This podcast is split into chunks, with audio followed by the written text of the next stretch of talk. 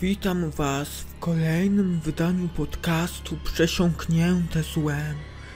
Dzisiaj poruszę sprawę lokalną, bliską można by rzec memu sercu. Wydarzyła się ona bowiem, lub wydarza się dalej, w okolicach Mielca, z miasta, z którego pochodzę. Zakładając ten podcast, prędzej czy później chciałem o niej napomknąć, gdyż uważam, że jest ona ciekawa i warto się z nią podzielić z innymi. Zanim jednak przejdę do meritum, chciałbym przypomnieć, iż można mnie posłuchać na YouTube, Spotify, iTunes czy SoundCloudzie. Zapraszam. Miejska legenda mówi, że na leśnej drodze w Biesiadce pojawia się duch. Wielu świadków twierdzi, że widział widmo dziewczynki, która stoi zakrwawiona przy drodze. Podobno nieraz zdarzało się, że przerażeni widokiem dziewczynki zatrzymywali się, by udzielić jej pomocy, ale wówczas zjawa znikała.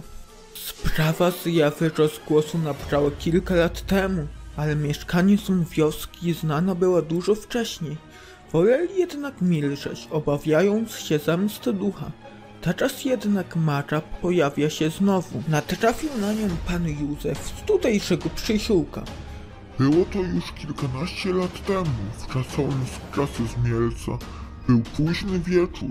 Spóźniłem się na autobus w mojej strony, więc chcąc nie chcąc musiałem tędy iść. Znam to miejsce od dzieciństwa. Tam, gdzie kończy się las, rośnie stary dąb, a na nim kapliczka z wizerunkiem Matki Boskiej. Pan Józef właśnie dochodził do tego miejsca. I wtedy z nienacka usłyszał jakiś dziwny głos. Najpierw kwilenie, potem głośny płacz przechodzący w szloch i wołanie. Mamo, mamuśku, myślałem, że to jakiś, że to jakieś zbłąkane dziecko szuka pomocy. Pan Józef oniemiał, kiedy zbliżył się do krzaków. Stała bowiem tam mała postać. Kiedy podszedł bliżej, płacz nagle ustał. Zjawa oddaliła się, a raczej odpłynęło w ciemny las. Słychać było tym razem okropny śmiech, którego nie mogło wydać małe dziecko. Sprawiło to, że pan Józef poczuł ciarki na plecach. Publicznej świadomości ścierają się dwie historie. Jedna mówi o wypadku, w którym zginęła wraz z rodzicami. Druga zaś opowiada historię młodej, samotnej kobiety, która urodziła dziewczynkę, po czym poszła do lasu, udusiła noworodka i zakopała między drzewami. Policja przez jakiś czas dostawała zgłoszenia od kierowców, którzy jadąc drogą z Mielca do Rzeszowa widzą zakrwawioną dziewczynkę. Czasem jednak w opowieściach pojawia się dziewczynka z różanicą w ręku, co zważywszy na to, że widzą ją w środku nocy, też budzi ich zaniepokojenie lub strach. Sprawą duchów z Biesiadki kilka lat temu zajmowała się Fundacja Nautilus, organizacja badająca zjawiska niewyjaśnione. Przyjechała ekipa z jasnowidzem.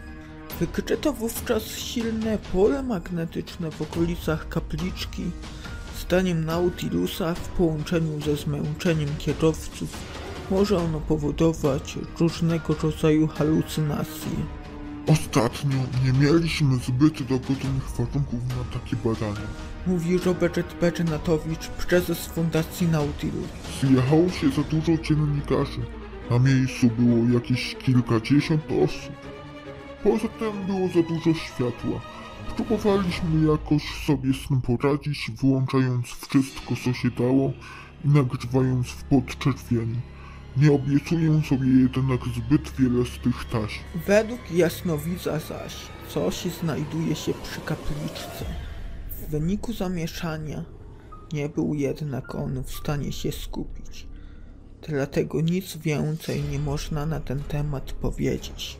O wyrażenie opinii w tej sprawie poproszono księdza prałata Kazimierza Czesaka. Ówczesnego proboszcza parafii Matki Bożej Nieustającej Pomocy i dziekana dziekanatu Mielec Południe. Duchowny odpowiada.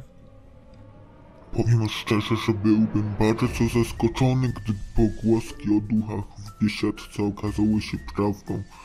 Trzeba być ostrożnym w komentowaniu takiej historii.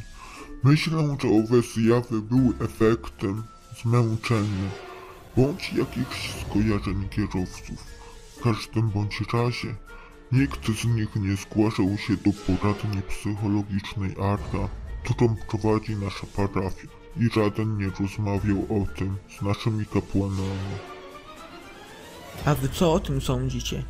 Wierzycie w takie historie paranormalne, czy nie?